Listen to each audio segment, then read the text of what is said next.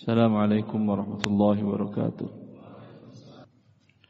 إن الحمد لله نحمده ونستعينه ونستغفره ونستهديه ونتوب إليه. أشهد أن لا إله إلا الله وحده لا شريك له وأشهد أن محمدا عبده ورسوله. أرسله بين يدي الساعة بشيرا ونذيرا وداعيا إلى الله بإذنه وسراجا منيرا.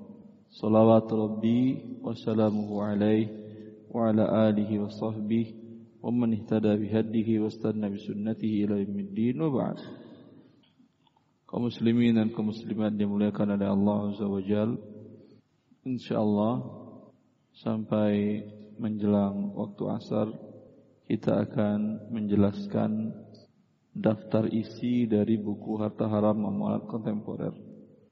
Kalau isinya yang nggak cukup, ahi. saya menulisnya nggak kurang satu tahun. Sekarang mau dibahas dalam waktu tiga jam. Tapi kalau daftar isi, insya Allah bisa.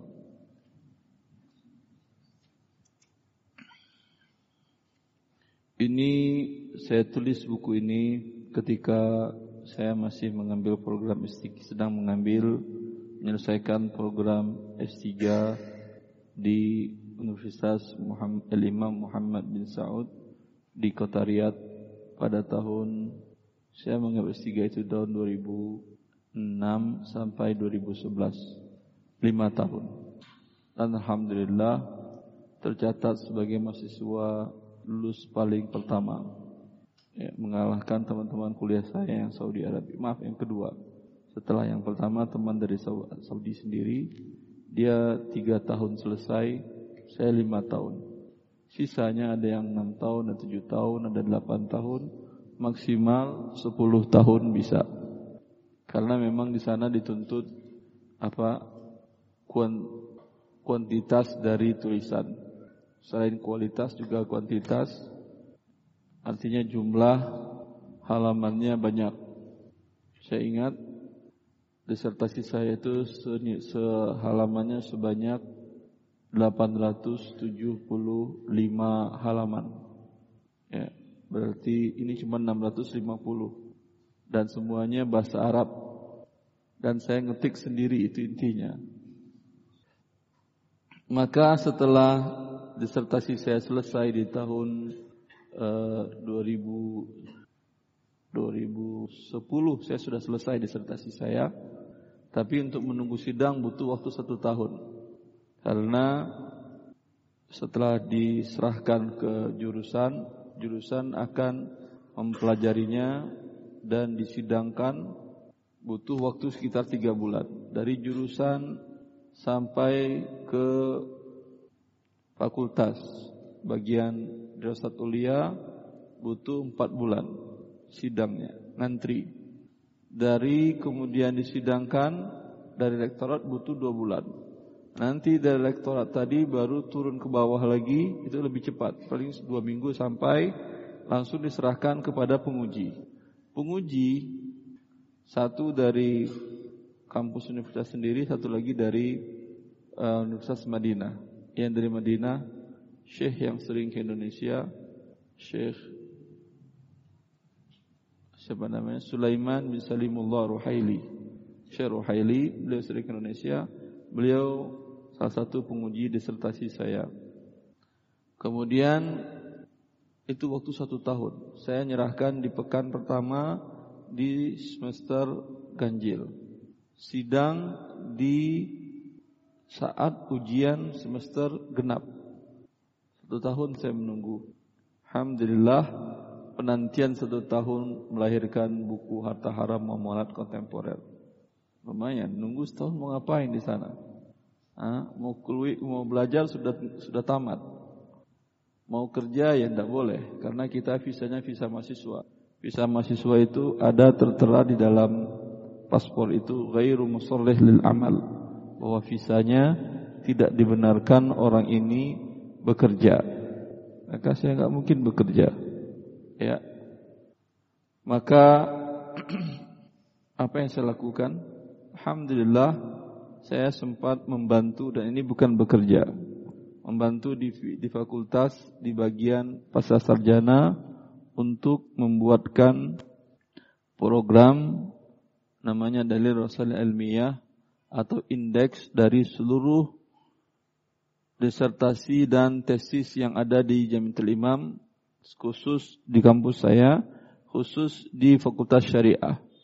Ternyata subhanallah tesis yang pertama disidangkan di, di Fakultas Syariah Universitas Imam Muhammad bin Saud Islamiyah itu adalah tesisnya Syekh Profesor Dr. Saleh Al-Fauzan. Judulnya Tahqiqatul Mardiyah fil Masail Faradiyah tentang ilmu faraid. Dan disertasi yang pertama disidangkan juga milik beliau. Judulnya Al-Hillu wal Hurmah fil Luhumil Mustawradah. Apa artinya itu? Pokoknya bagus lah isinya. Ya iya masa Syekh nulis enggak bagus. Halal haram tentang daging impor. Itu disertasi beliau.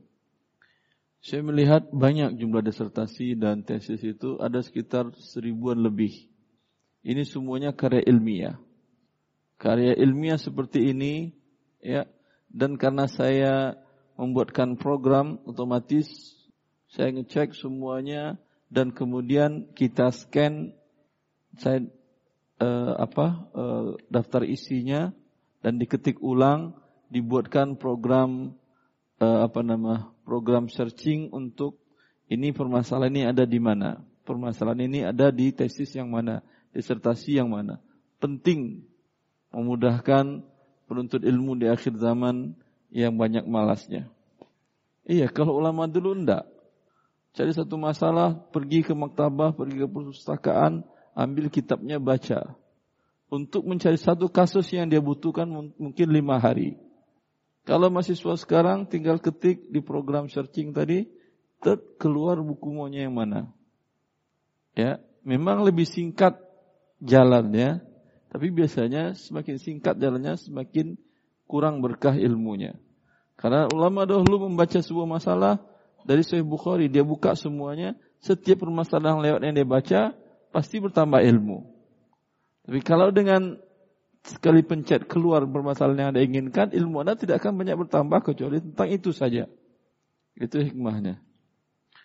Maka kemudian kita bikinkan dan saya lihat banyak tesis dan disertasi dalam masalah muamalat maliyah.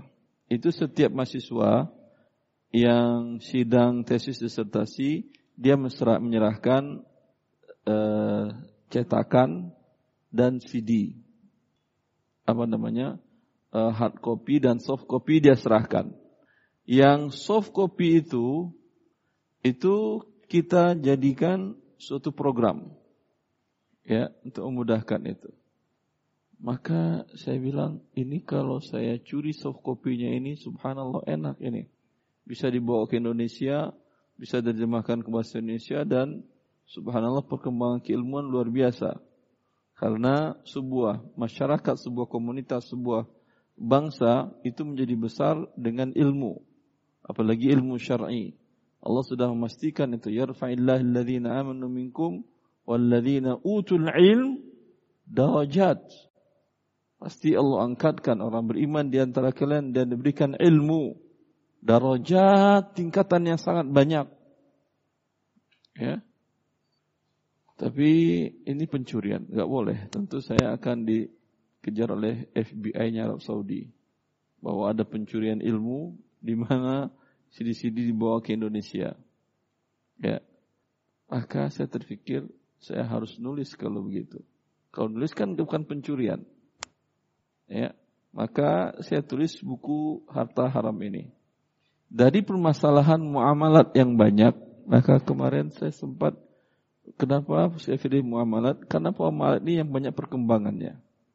Kalau masalah ibadah, perkembangan masalah kontemporer tidak terlalu banyak.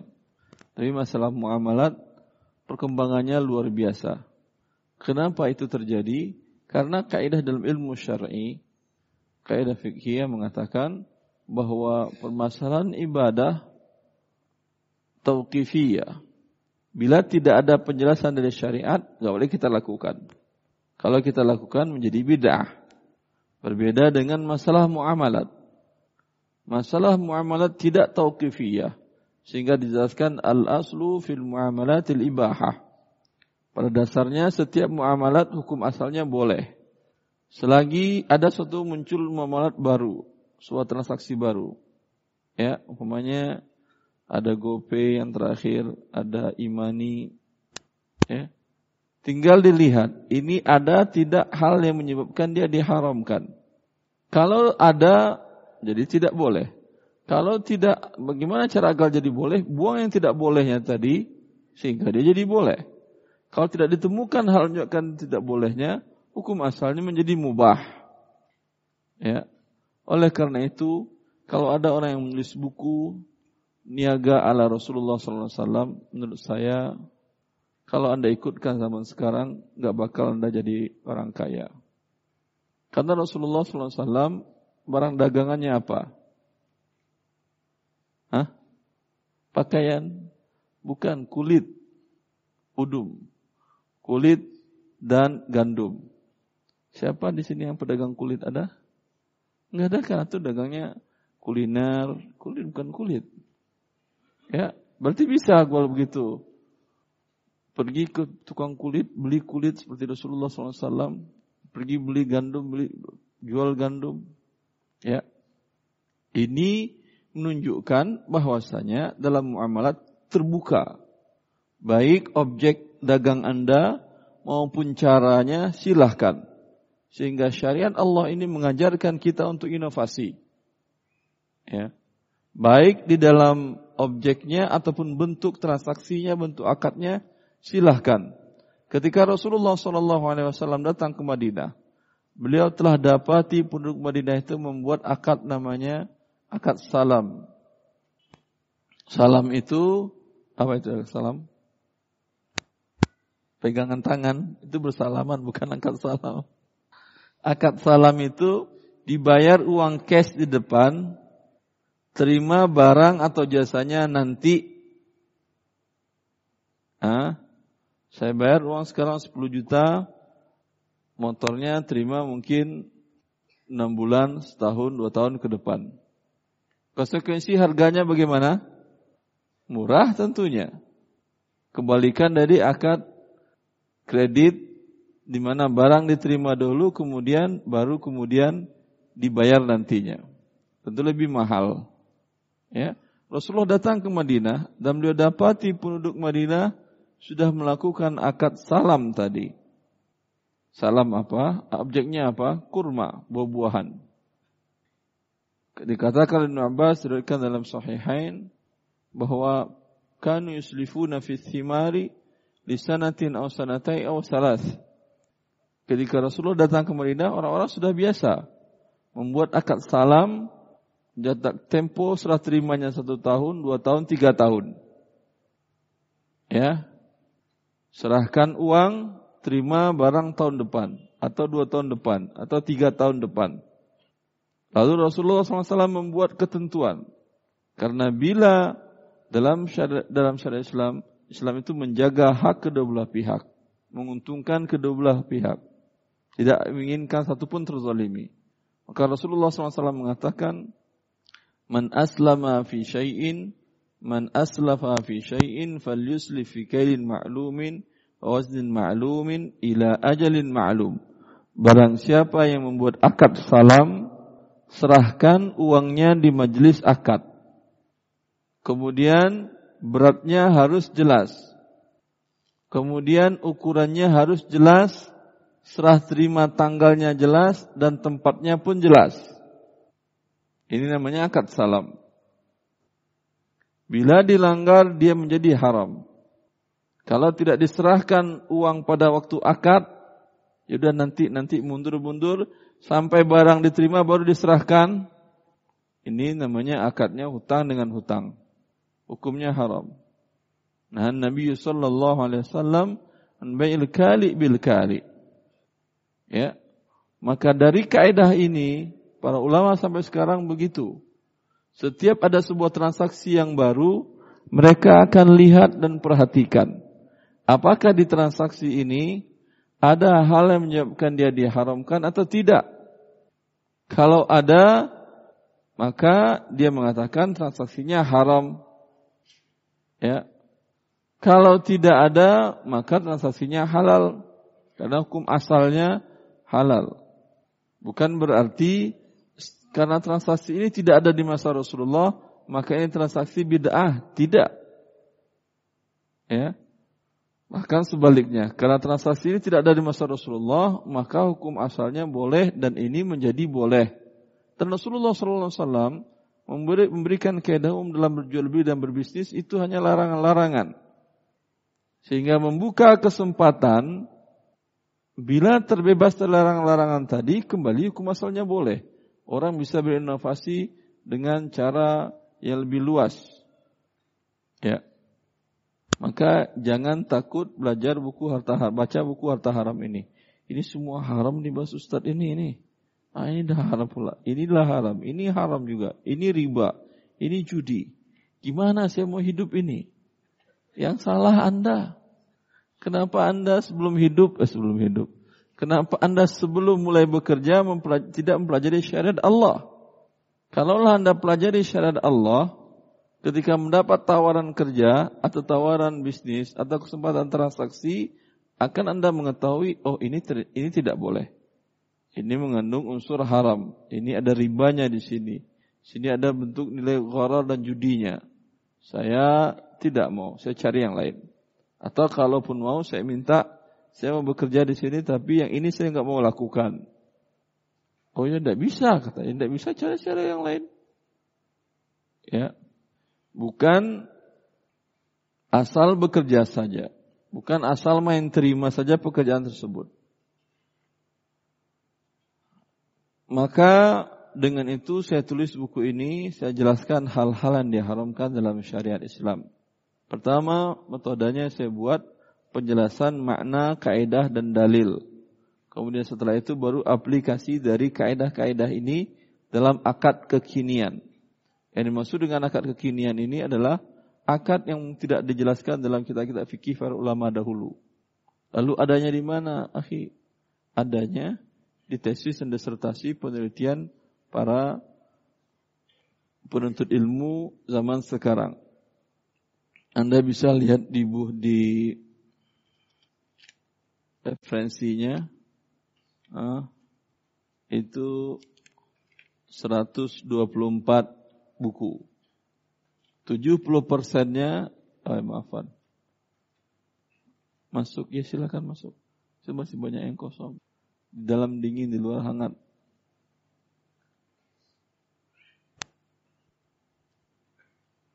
Ini masih ada terus terus terus ya mau masuk.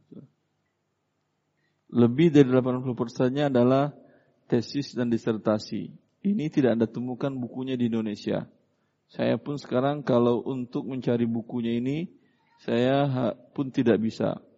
Karena masuk ke kota Riyadh beda masuk Mekah Madinah. Masuk ke Mekah Madinah bisa dengan visa haji dan umroh. Kalau masuk kota Riyadh harus visa calling visa. Visa panggilan. Gak bisa kita yang mengajukan, tidak bisa. Hmm? Maka jangankan Anda, saya pun sekarang kalau disuruh, mana bukunya nih Ustaz? Saya pun sudah nggak tahu. Gak bisa masuk lagi ke sana carinya. Sebagian seperti tadi ada yang saya bawa tapi saya izin ke penanggung jawab di bagian pasca sarjana di sana. Saya minta Syekh, boleh ini saya kopi, saya bawa ke Indonesia. Boleh, tapi untuk kebutuhan pribadi. Ya, Alhamdulillah dimudahkan oleh Allah Azza wa Maka ada tiga hal tapi sekarang saya sedang membuat hal yang keempat. hal yang keempat semoga dimudahkan oleh Allah Azza wa Jal. Yang menyebabkan sebuah transaksi itu menjadi tidak halal. Ada namanya riba, ada namanya gharar, ada namanya zalim. Yang keempat sekarang saya sedang saya tulis, saya bocorkan berarti ya. Yaitu bab at-ta'awun alal ismi wal udwan Bab riba, riba berarti penambahan dari hutang piutang. Ya, baik disepakati dari awal maupun dia mengatakan kalau terlambat akan ada pertambahan. Ada yang ini juga riba. Ada yang mengatakan tidak terlambat pun tetap ada bunganya. Sekian persen. Ini juga riba. Ah, ini dia yang riba. Riba ini sudah ada semenjak semenjak siapa? Semenjak Nabi apa? Nabi Adam. Masya Allah. Ada dalilnya ya. Masya Allah semenjak Nabi Adam sudah ada riba. Sudah ada bank Nabi Adam. Iya, ini prediksi dari salah seorang profesor ekonom Islam, ekonomi Islam, Profesor Rafiq Yunus Al-Misri dalam bukunya Al-Jami' fi Usul Riba atau Ensiklopedia Riba. Menurut beliau, riba itu mungkin sudah terjadi semenjak Nabi Adam. Karena berdasarkan riwayat asal dari Ka'ab uh, Al-Ahbar ya bahwasanya yang pertama menggunakan mata uang emas dan perak adalah Adam alaihi salam. Maka aneh teori ekonomi yang menjelaskan bahwa dahulu orang ah tukar barang dengan barang, begitu? Gak ada uang. Begitu kan yang Anda pelajari ilmu ekonomi? Masa kapan itu? Tidak ada uang masa kapan? Yang jelas, nenek moyang kita orang Indonesia ada uang nggak sebelum Anda belajar ekonomi?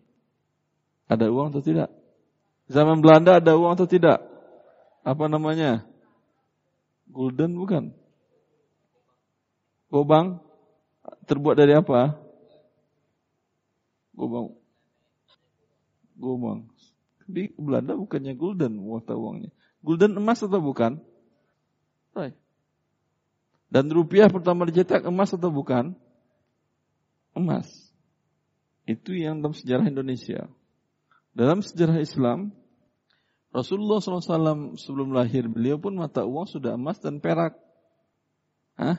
Terus yang dikatakan oleh mereka dahulu orang tukar barang dengan barang itu mah kapan?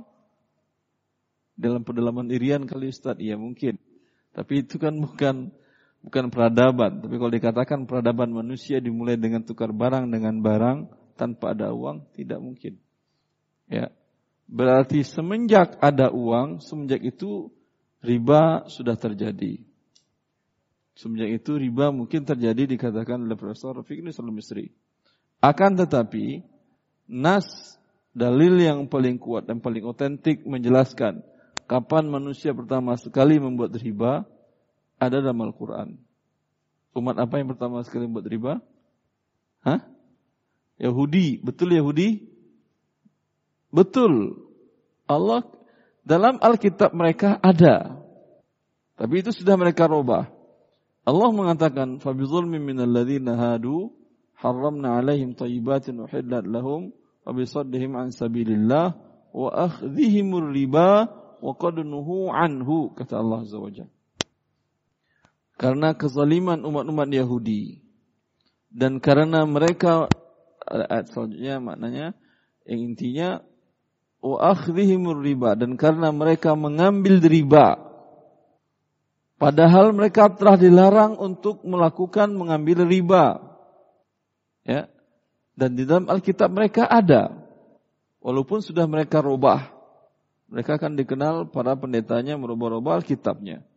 Al-Quran, Allah telah menjaga kemurniannya maka tidak siapa pun tidak ada yang bisa mampu merubah.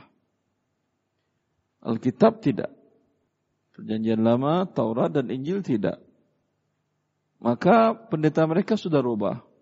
Maka ayat riba yang ada dalam Alkitab dijelaskan di sana bahwasanya riba haram dilakukan kepada sesama Yahudi. Hah? Apa yang bisa dipahami di sini? Berarti dengan non Yahudi boleh. Hah?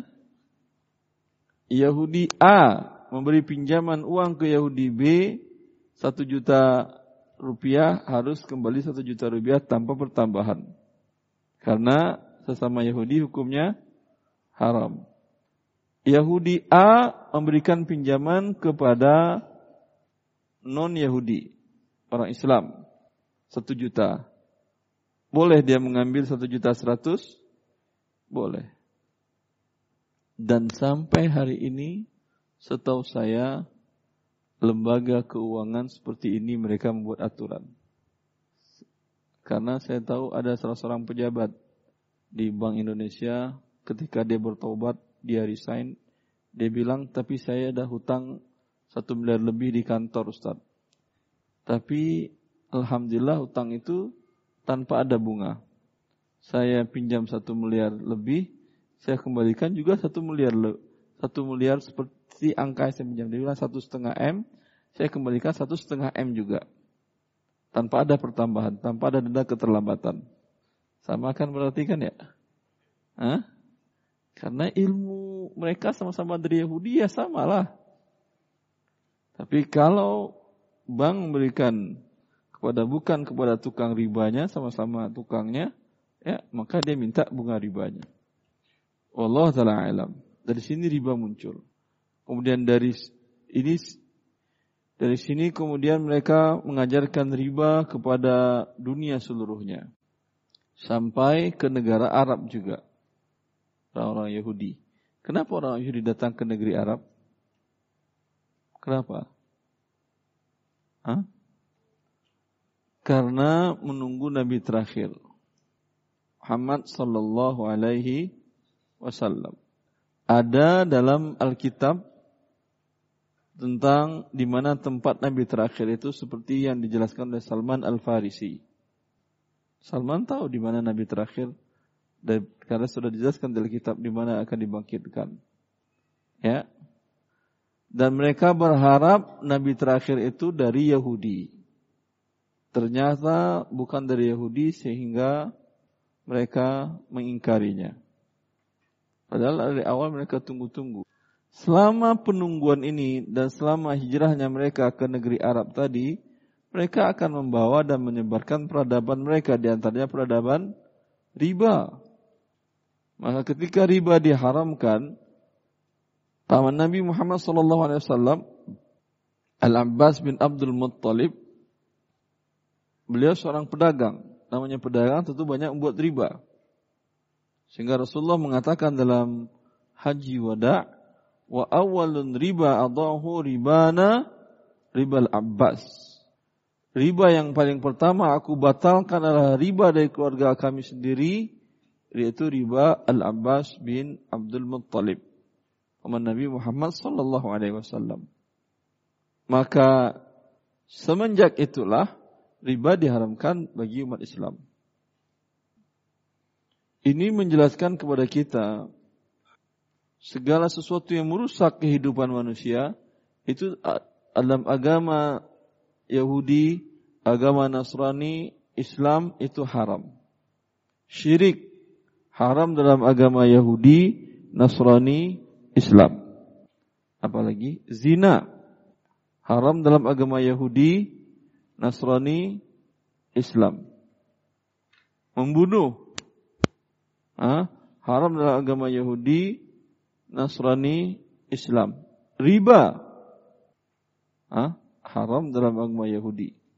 Dan begitu juga agama Nasrani dan begitu agama Islam. Apa buktinya bahwa riba itu diharamkan juga dalam agama Nasrani?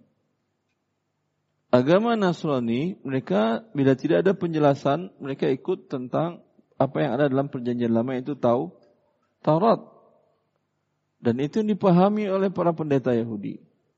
Dan karena itulah para pendeta Yahudi itu mengharamkan riba akan tetap dan karena itulah maaf, karena itulah para penghusung, pembuat teori riba, mereka membuat argumen-argumen seolah-olah riba menjadi sebuah tuntutan dalam bisnis, tuntutan dalam kehidupan.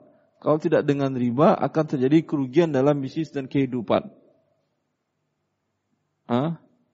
Pada abad ke-17 setelah masa Renaissance, maka para ekonom-ekonom riba tadi membuat teori teori bahwasanya bahwa waktu adalah uang. Kalau uang saya Anda pakai, bayar imbalan waktunya. Betul ini. Secara logika betul atau tidak? Waktu adalah uang? Tentu salah. Karena setahu saya tidak ada orang yang kaya di dunia pengangguran. Ada orang yang terkaya di dunia, si Fulan orang terkaya di dunia karena dia pengangguran. Ada? Karena yang paling banyak waktu siapa? Pengangguran. Kalau waktu adalah uang berarti dia yang paling banyak uangnya. Iya atau tidak? Dalam Islam, waktu bernilai uang betul kalau diikat dengan barang dan jasa. Jelas. Anda menjual barang. Rumah, mobil, kendaraan, barang apa pun juga. Nih saya jual satu miliar. Cash. Wah saya nggak punya uang cash pak saya mau mencicil selama satu tahun. Kalau satu tahun, saya akan tambahkan margin saya menjadi 1,1. Kalau terlambat Pak dari satu tahun, tidak ada pertambahan. Saya akan jaminkan hak saya mungkin saya minta asetnya segala macam untuk dijaminkan kalau suatu saat Anda ingkar janji. Boleh ini? Hah? Boleh atau tidak? Ini dia waktu yang boleh bernilai uang. Tadi kalau cash kan satu miliar. Satu tahun pembayaran bertambah 10 persen. Ini kan imbalan apa? Waktu? Iya, imbalan waktu. Tapi waktu yang diikat dengan barang. Jelas? Ini dia dikatakan oleh Allah wa ahallallahu al-bai'a wa harrama riba. Allah menghalalkan jual beli dan Allah mengharamkan riba. Ini ayat ini turun karena orang-orang kafir Quraisy mengatakan, kalau riba haram, berarti juga jual beli haram. Qalu innamal bai'u mislur riba. Orang-orang kafir Quraisy bilang jual beli itu sama dengan riba. Yang mereka maksud jual beli tunai atau tidak tunai? Tentu tidak tunai, karena jual beli tunai sudah 1M, 1M. Kata mereka kan sama aja. Saya pinjam uang 1M ke seseorang. Kemudian saya bilang, untuk apa? Mau beli rumah. Ya udah, bayar nanti 1M, 1,1 ya. Riba atau tidak? Riba. Kata mereka, ini beli rumah juga begitu. Kalau tunai kan 1M. Kalau satu tahun kan 1,1. Sama-sama bertambah 10 persen. Iya atau tidak? Qalu innamal bay'u mithlur riba. Orang kafir Quraisy bilang, jual beli itu sama dengan riba. Kalau kalian ha, mengharamkan riba ketika ayat riba turun, harusnya kalian juga mengharamkan jual beli yang tidak tunai kalian yang harganya lebih mahal dari yang tunai. Dijawab oleh Allah apa? Wa ahallallahu al-bai'a wa harrama riba. Oh, tidak sama kata Allah. Allah telah menghalalkan jual beli dan Allah telah mengharamkan riba. Jelas ini? Betul kalau begitu teori waktu adalah uang? Tidak. Ya.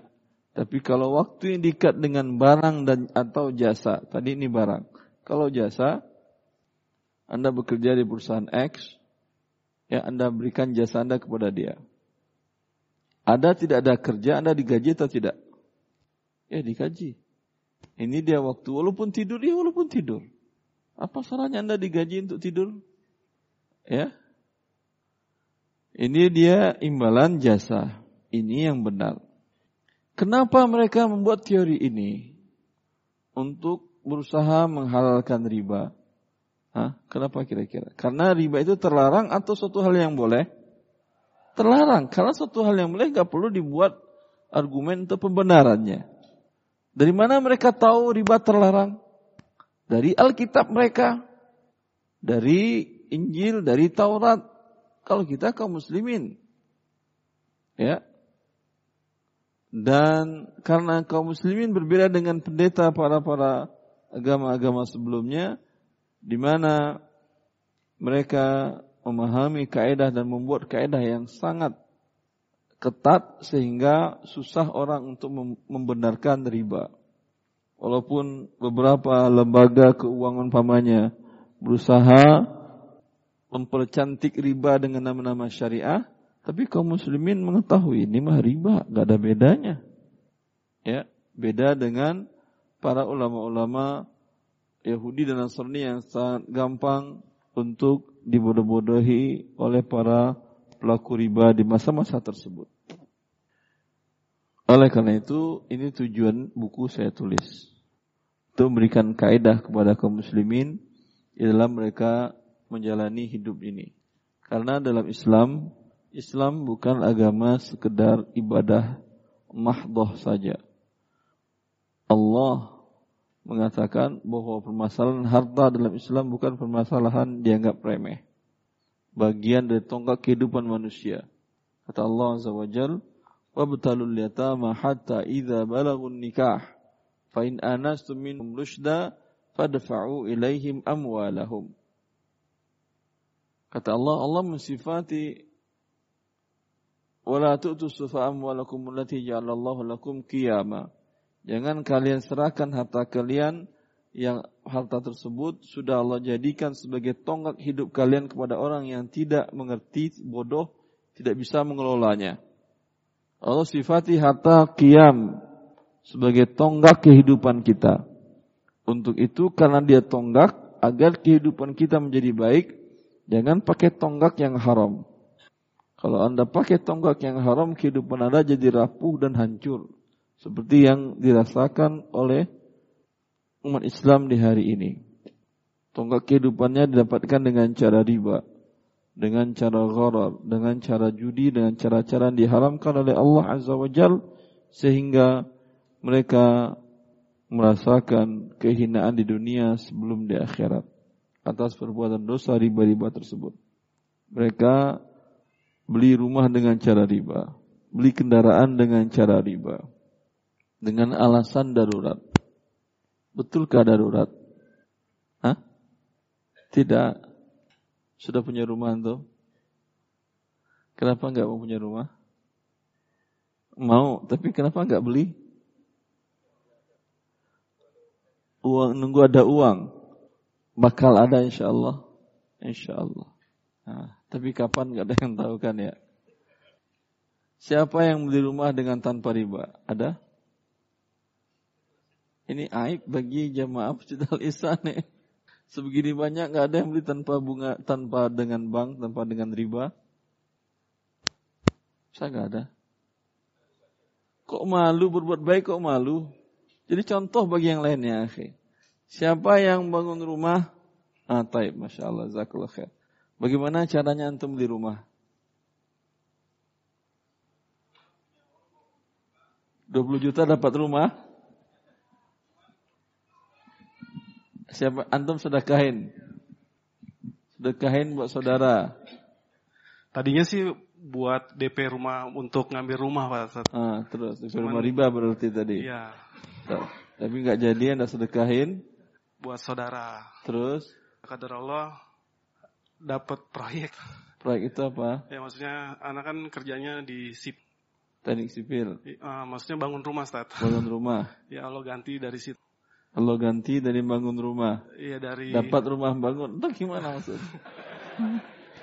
Dikasih kerjaan saat. Terus dapat uang untuk beli rumah dari itu. Iya, teman, anak nggak pernah punya uang sampai ratusan juta gitu saat. Tapi, Tapi waktu itu punya. Bisa beli tanah langsung bangun rumah selesai tanpa hutang sama sekali. Tanpa hutang riba. Alhamdulillah. Alhamdulillah. Berarti kan bukan beli rumah, beli tanah. Beli, beli tanah langsung bangun, saat. Iya kan beli rumah atau beli tanah? beli tanah dan bahan baku kan ya? Ya, beli tanah. Iya, dari saya, setahu saya nenek moyang kita dulu bangun rumah kan seperti itu. Tidak pakai bank, tidak pakai riba, mereka juga punya rumah. Ya. Ini mungkin bisa, tapi kalau kendaraan bisa beli ban dulu. Ah? Baik.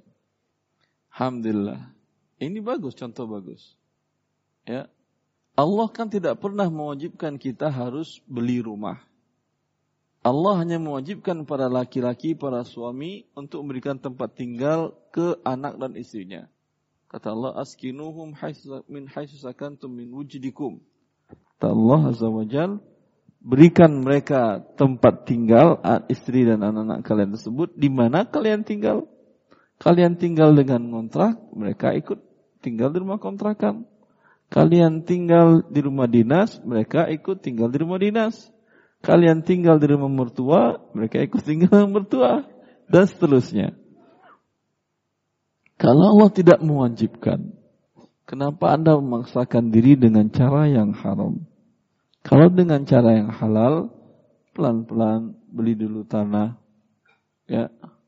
Beli tanah bisa per meter. Per meter, per meter, per meter, per meter. Hah?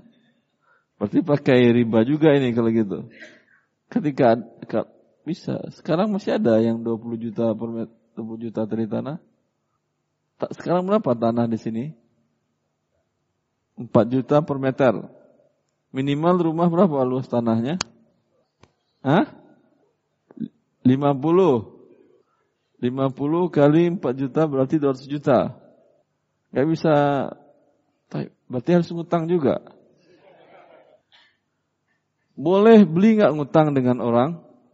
Boleh, tapi dengan tanpa ada ribanya. Bagaimana caranya? Anda katakan kepada dia, Pak, ini Bapak mau jual berapa? 200 juta nak. Ayah udah pak, boleh nggak saya mencicil? Ya, kalau Pak jangan pikir-pikir dulu panjang. Kalau Bapak boleh mencicil, Bapak akan mau mau jual 200, saya bayar 300. Tapi beri saya waktu satu tahun mencicilnya atau dua tahun. Mau nggak si Bapak tadi? Hah? Mungkin mau, mungkin tidak, tergantung. Kenapa Anda pastikan mau? Tergantung. Kalau dia tidak mau, ya udah cari yang lain yang mau. Ya. Kan Allah tadi menghalalkan jual beli, mengharamkan riba. Ya. Dan alhamdulillah biasanya banyak orang yang mau seperti ini kalau dia tidak butuh uang mendesak. Ada saya pernah dihubungi seseorang jamaah dari Jakarta Selatan dia ingin beli ruko dari non muslim malah. Yang jual ruko itu non muslim di daerah Bogor. Dengan harga 2 miliar tunai. Lalu dia hubungin saya, Ustaz, saya udah hubungin salah satu bank syariah X untuk dapat pembiayaan, ya. Tapi ini sudah agak telat, saya khawatir nanti didahului orang. Saya bisa nggak Ustaz bantu agar mempercepat prosesnya di bank X tadi? Saya mengatakan, saya nggak mau bantu Anda berurusan dengan bank. Tapi kalau Anda mau, saya bantu Anda bagaimana skema yang bagus untuk Anda dunia dan akhirat Anda. Apa itu Ustaz? Anda sudah datang ke pemilik ruko dan ke bank. Berapa harga yang ditawarkan pemilik ruko? 2M Ustaz. Bank berapa nanti jadinya Anda mencicil ke dia? 2,7 Ustaz. Berarti ada pertambahan 700 juta dari harga 2M. Terus datangi yang penjualnya, minta ke dia, saya beli ke Anda dengan harga 2,7M. Tapi tidak ada denda keterlambatan, balik nama, kita taruh di notaris, setelah selesai, baru balik nama. Mau nggak non muslim ini? Ya maulah dia. 700 juta ya akhi. Hah? Dua Innova itu kan ya? Kan kebayang oleh dia, oh Masya Allah. Hah? Mau dia, non muslim aja mau. Ya. Terus, ya udah saat saya coba. Dia coba datang, nawarkan saya mau saya siap beli harga lebih. Ya, saya datang ke bank, tapi bank menurut saya daripada untung bank untuk bank lebih baik ambil oleh kamu. Ya, dapat kau uang. Kalau bang aja mau, dia masa anda tidak mau? Hah? Kata dia, Alhamdulillah Ustaz, bisa saya nego dapat potongan dari 2,7 150 juta. Berarti harga 2,55. Untung saya 150 juta Ustaz. Ente berutang masih untung.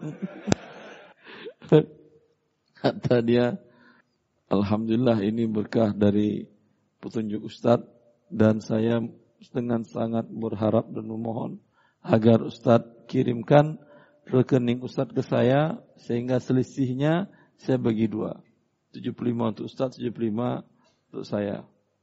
Saya katakan, siap saya kirim ke kamu, tapi setelah hutangmu yang 2,5 bayar.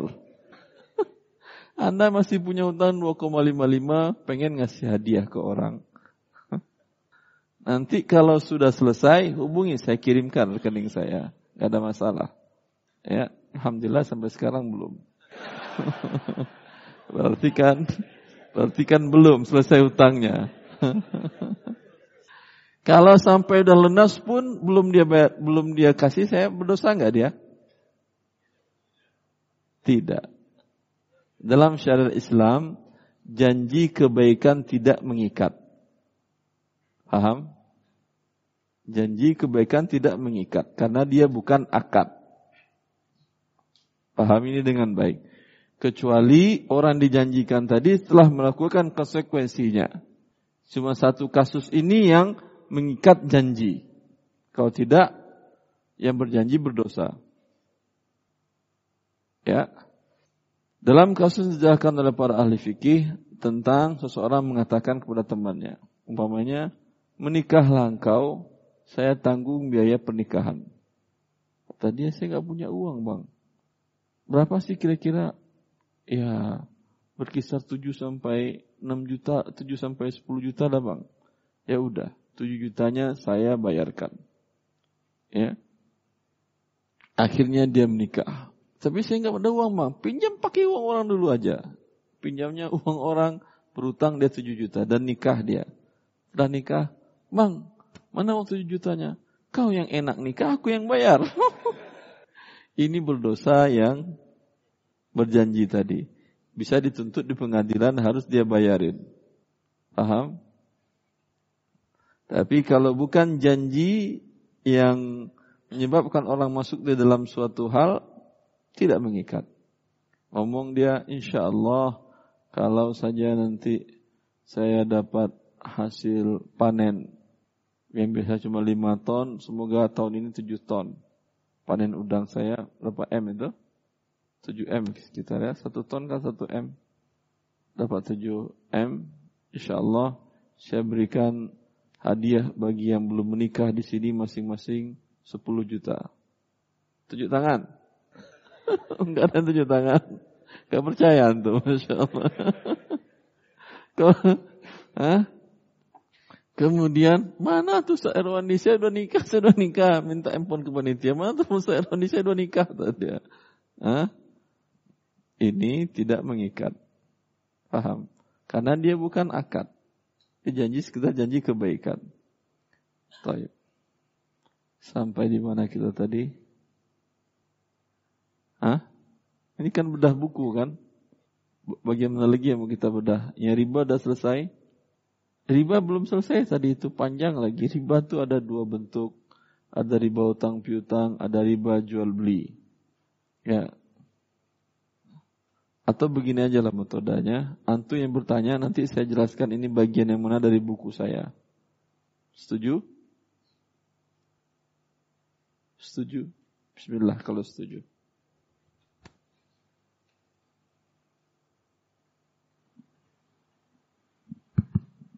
Untuk selanjutnya kita buka sesi tanya jawab atau konsultasi sampai sebelum azan. Bisa lewat tulisan atau secara langsung? Terima kasih. Ya Ustaz, ada pertanyaan gini.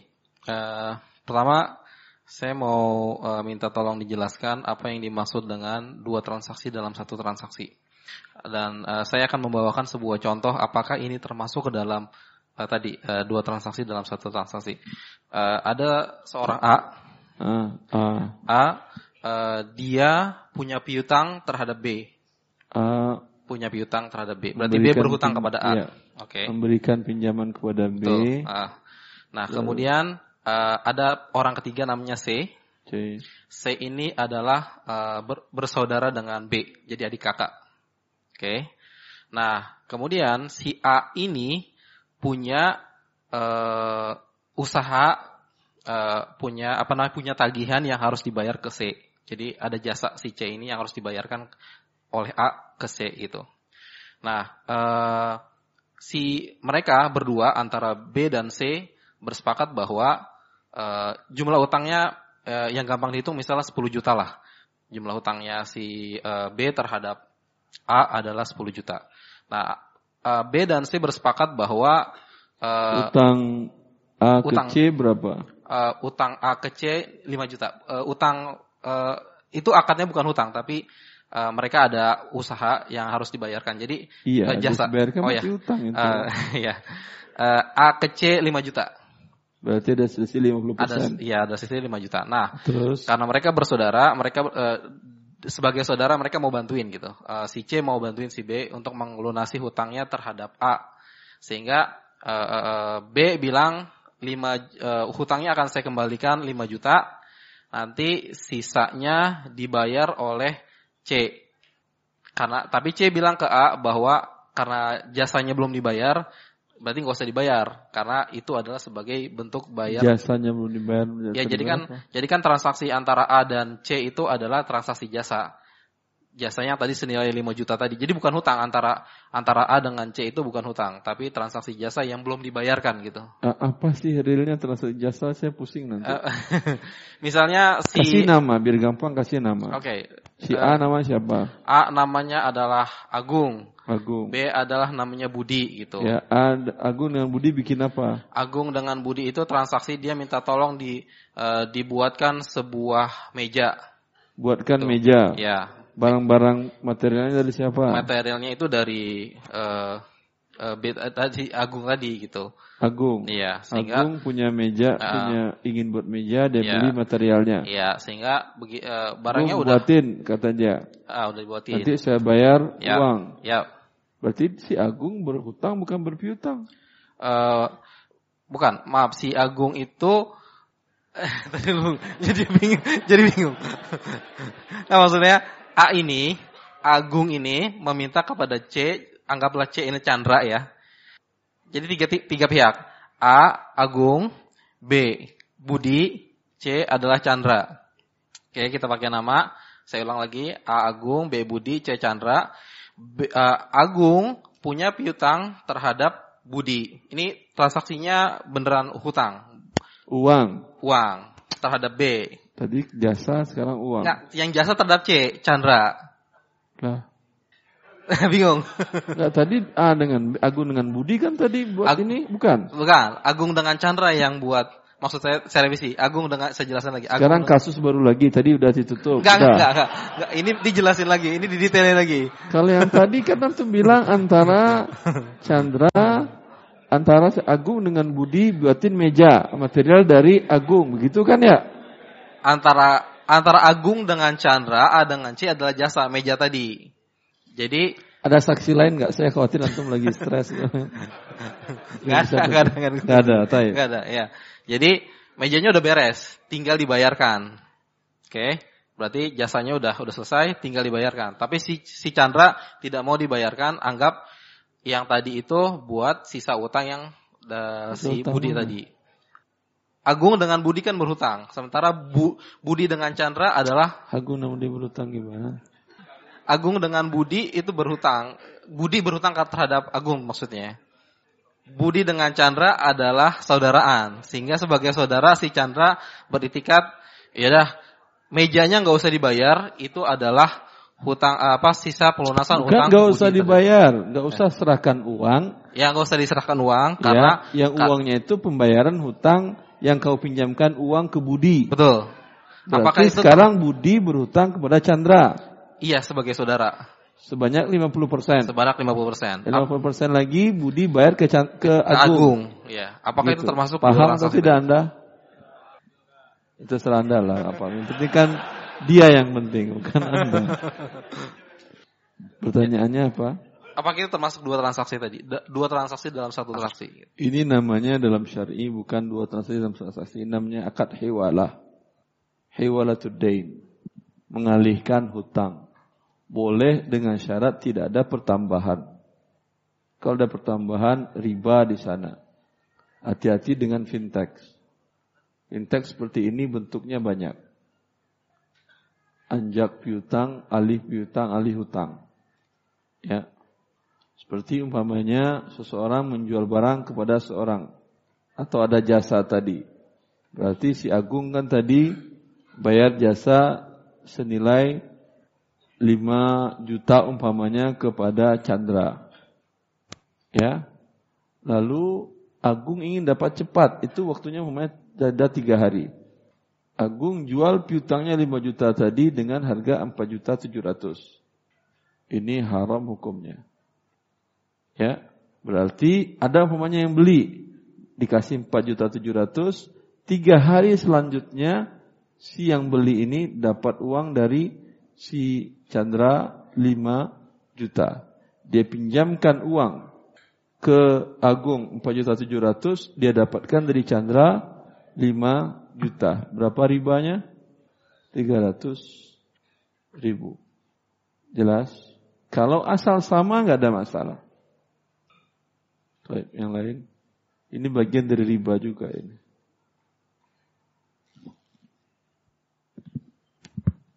Assalamualaikum warahmatullahi wabarakatuh. Assalamualaikum warahmatullahi wabarakatuh. Barakofikum Ustaz. Uh, saya uh, bekerja di salah satu e-commerce Indonesia. Di Uh, e-commerce Ustaz. Uh, e-commerce. Ya, Ah. saya sebagai programmer, uh, cuman kan e-commerce sendiri kan uh, uh, bisnisnya bukan marketplace aja sekarang kan. Jadi dia ada produk digital dan fintech. Nah, yang jadi pertanyaan adalah apakah karena ada Ya, Yang satu lagi apa yang kedua? uh, produk digital dan fintech. Jadi Produk bukan digital tuh maksudnya. uh, jadi kayak uh, pulsa, pembayaran uh, kartu kredit dan BPJS juga di situ. Hmm. Dan voucher makanan juga termasuk produk digital. apa? Pro- uh, voucher makanan juga termasuk produk Voucher digital. makanan.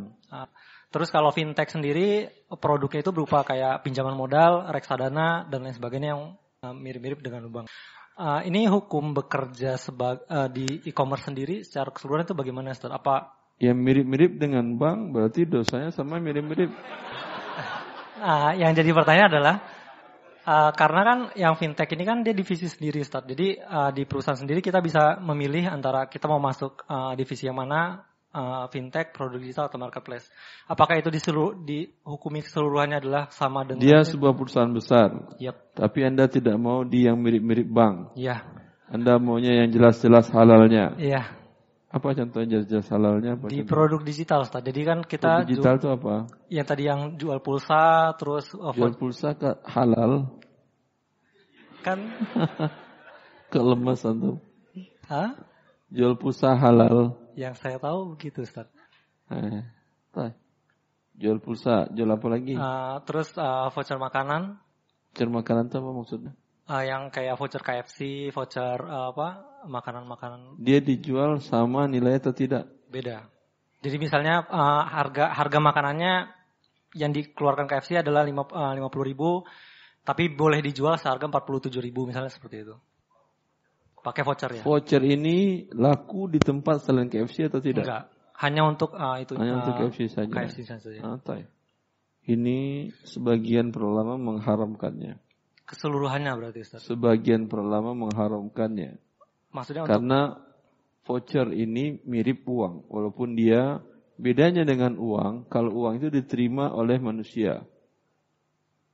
Kalau voucher ini yang nerima hanya KFC saja kan ya?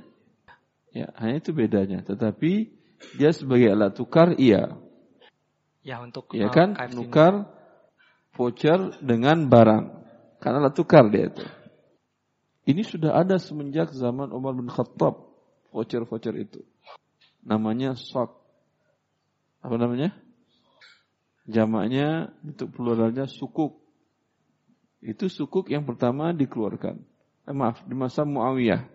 Bukan di Khattab. Di masa Muawiyah bin Abi Sufyan. Setelah Khalifah Ali wafat.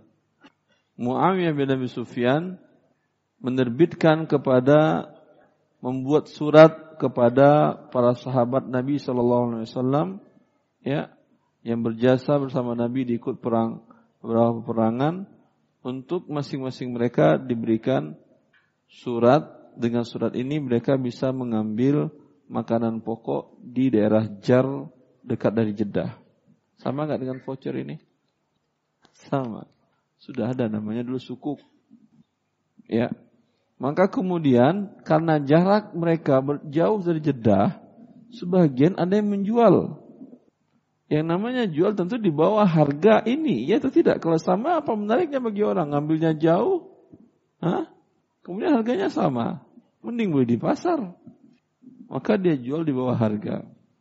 Maka sebagian para sahabat Nabi seperti Abu Hurairah memanggil datang kepada Sufyan dan mengatakan, "Atuhilluna riba?" Apakah kau telah menghalalkan riba wahai Muawiyah? Tapi sebagian sahabat yang lain diam menunjukkan di sini ada perbedaan pendapat para ulama.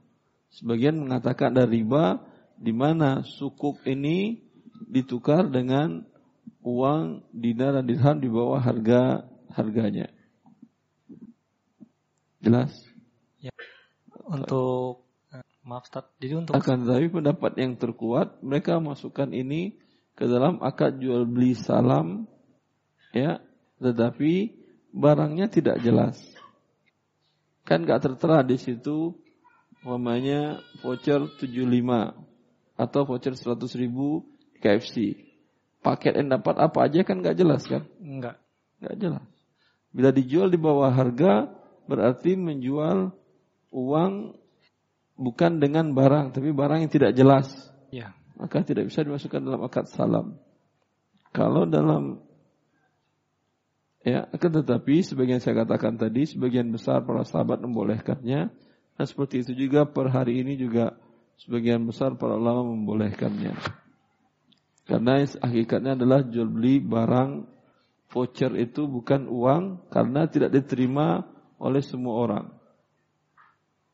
Uh, untuk status apa tadi keharaman karena kan ada fintechnya juga di perusahaan itu Ustaz itu bagaimana Ya udah ngapain nanti kalau ada fintechnya? Enggak Cari di perusahaan yang fintechnya itu benar-benar syariah. Jadi maksudnya apa berarti secara keseluruhan e-commerce ini sendiri ya sebaiknya dijauhi karena ada fin, ada produk fintech di dalamnya karena kan Ya iyalah. Syukur Jasa kalau khair. Allah barik Pertanyaan tertulis Ustaz. Fadal. Ustaz bagaimana hukum fintech yang seperti GoPay? Fintech kok GoPay? Fintech. GoPay fintech ahi. GoPay fintech ada juga. GoPay fintech. Dia jual apa dia?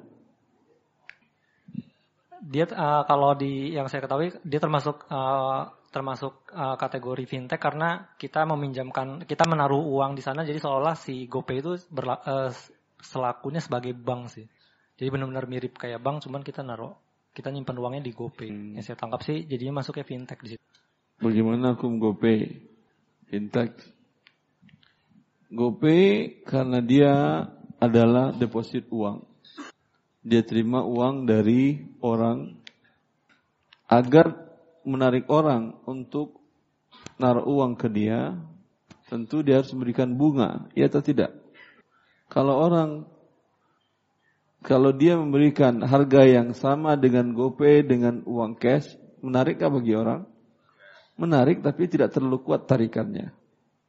Ya, hanya sekedar tidak tidak sedikit lebih aman karena dengan virtual nggak bisa dirampok orang.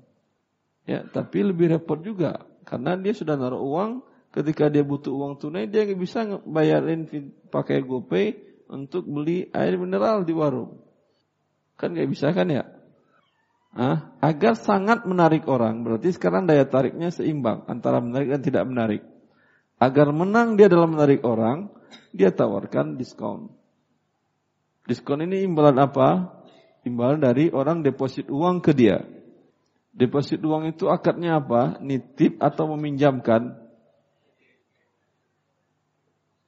Dalam kaidah fikih, definisi nitip kalau hilang dia tidak tanggung jawab. Kemudian dia tidak boleh menggunakan uang itu.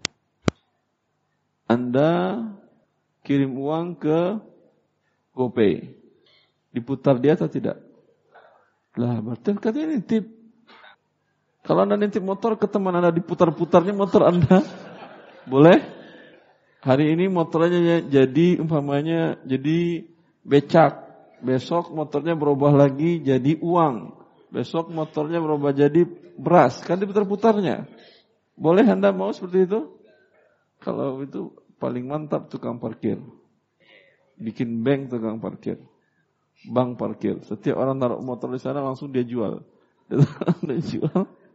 Ketika orang naruh, naruh motornya dikembaliin sudah jadi macam-macam. Iya, itu bedanya akad nitip dengan akad kor. Kalau kor boleh diputar, uangnya boleh diputar. Cuman ada kaidah dalam dalam syariat bahwa kalau akadnya kor tidak boleh ada pertambahan.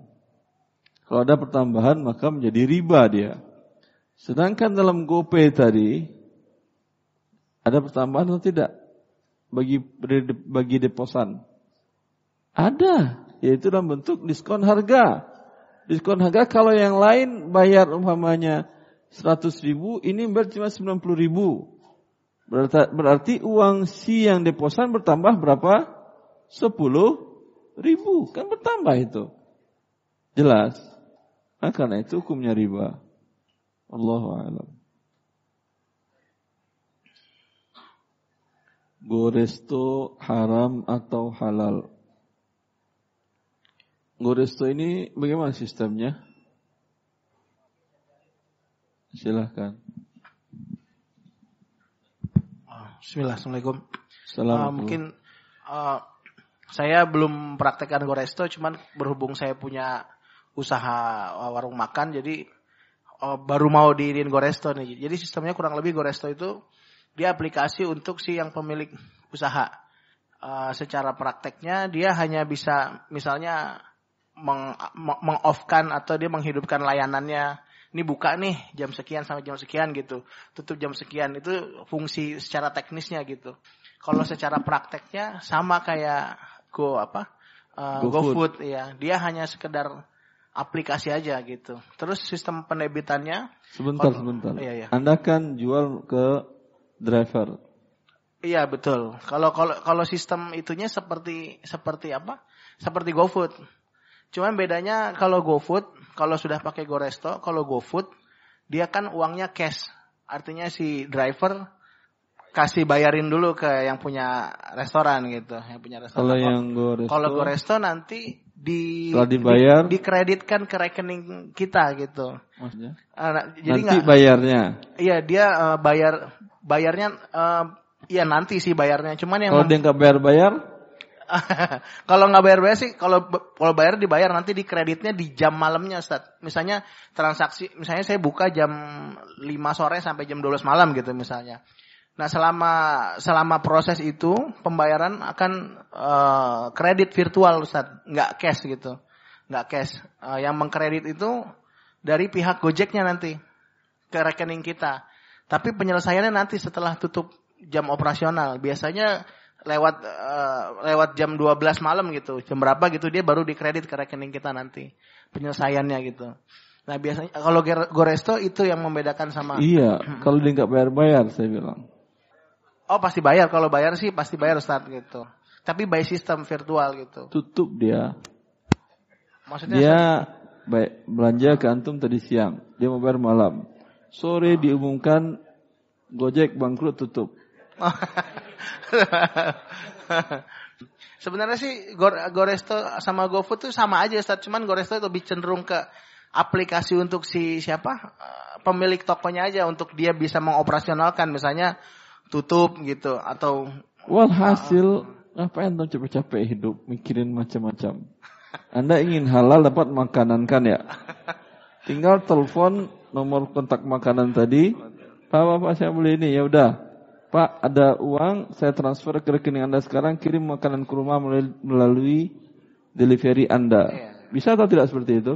Bisa. Kalau Anda bilang nggak bisa bayar dulu, ya udah saya transfer dulu tanpa menggunakan orang tadi. Bisa atau tidak? Alhamdulillah kalau bisa. Iya, Apa yang tuh bikin capek-capek? Karena setahu saya pihak Gojek ini dan yang semirip, yang sejenis dengannya itu sudah merusak. Tapi karena aturan negara kita tidak melindungi yang lainnya sehingga malah ribut sesama para jasa transportasi. Semua orang melihat kelahi, tabrak, sengaja nabrak antara angkot dengan grab segala macam Sweeping itu kan perbuatan merusak. Penyebabnya apa? Perusahaan-perusahaan tadi itu. Di mana dia buat persaingan dengan harga, dengan cara tidak baik dengan membuat harga di bawah itu. Sengaja mematikannya. Kalau dia mau kasih diskon, niatnya lillahi ta'ala, bagus. Tapi kalau tujuannya monopoli, hukumnya haram. Anda umpamanya toko Anda ngasih diskon umpamanya air mineral di toko orang 6000 di toko Anda 3000. Sehingga apalagi kalau yang beli adalah masjid DKM masjid. Ya, bagus sedekah. Tapi kalau tujuannya agar toko air lain mati, anda jual seribu sehingga nggak laku toko lain. Itu kapan dikatakan dia melakukan monopoli? Ketika dia perusahaan besar. Kalau orang toko kecil dia jual di bawah harga silahkan. Tapi kalau toko besar itu akan terjadi monopoli.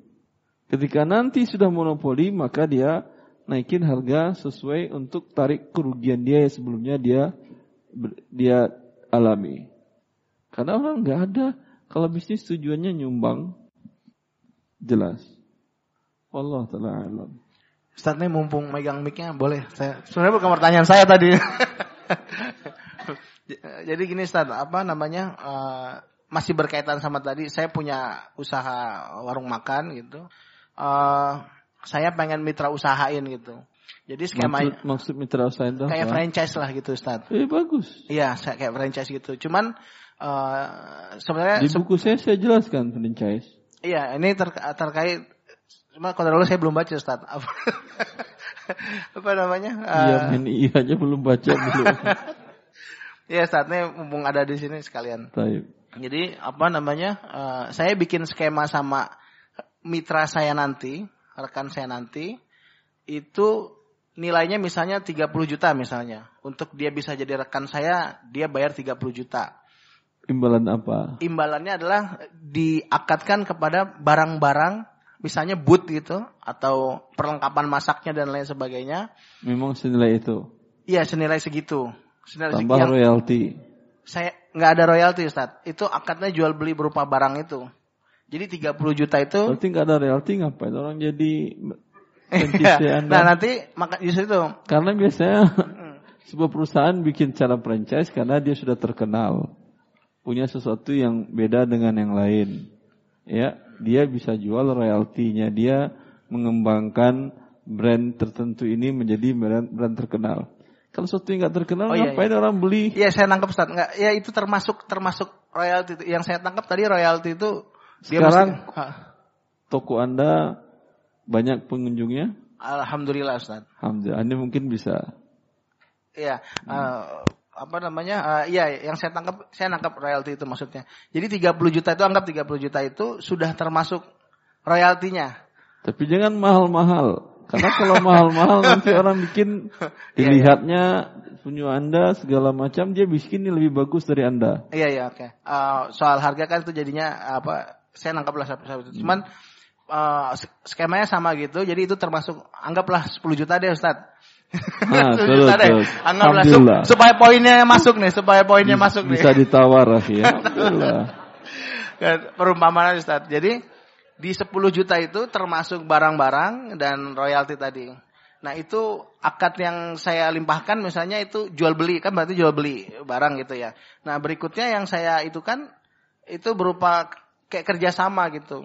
Jadi uh, sistem yang keduanya kerjasama. Dia mengoperasionalkan atau dia bisnisnya di wilayah tertentu tapi kerjasamanya dia beli bahan sama saya gitu. Nah itu kalau kayak gitu termasuk satu dua akad dalam satu transaksi apa enggak Ustaz gitu.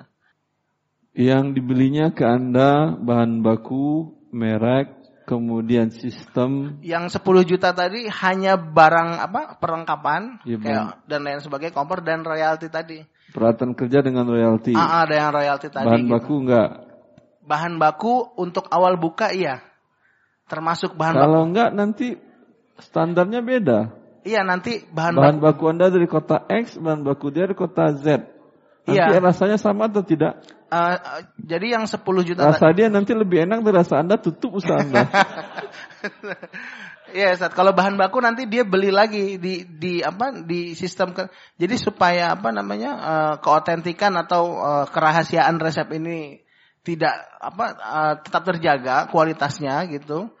Jadi sistem sistem kerjasama gitu 10 juta itu barang-barang apa diakatkan untuk barang-barang tadi perlengkapan dan royalti. Terus saya bikin kerjasama sama dia ikatan kerjasama gitu. Ya, Jadi dia kalau mau sepertinya butuh konsultasi khusus. Uh. Antum baca di sistem franchise. Uh. Bila nanti kurang jelas bisa datang ke kantor. boleh boleh insyaallah. Syukran jazakallah. Ya, Hukum menyicil emas di BSM Ustaz hukum mencicil emas di BSM itu cicilan emas diharamkan oleh OKI, Organisasi Konferensi Internasional dan mereka tuangkan dalam standar syariah untuk lembaga keuangan syariah di dunia ya yang lembaganya bernama AOIFI, AOIF di mana dijelaskan di sana la yajuzu ijra'ul murabahatil muajjalati 'ala dzahab. Tidak boleh melakukan akad murabahah tidak tunai dengan objeknya adalah emas. Karena Rasulullah mensyaratkan menukar emas dengan perak ya dan dengan mata uang yang lain dengan cara tunai. Ya.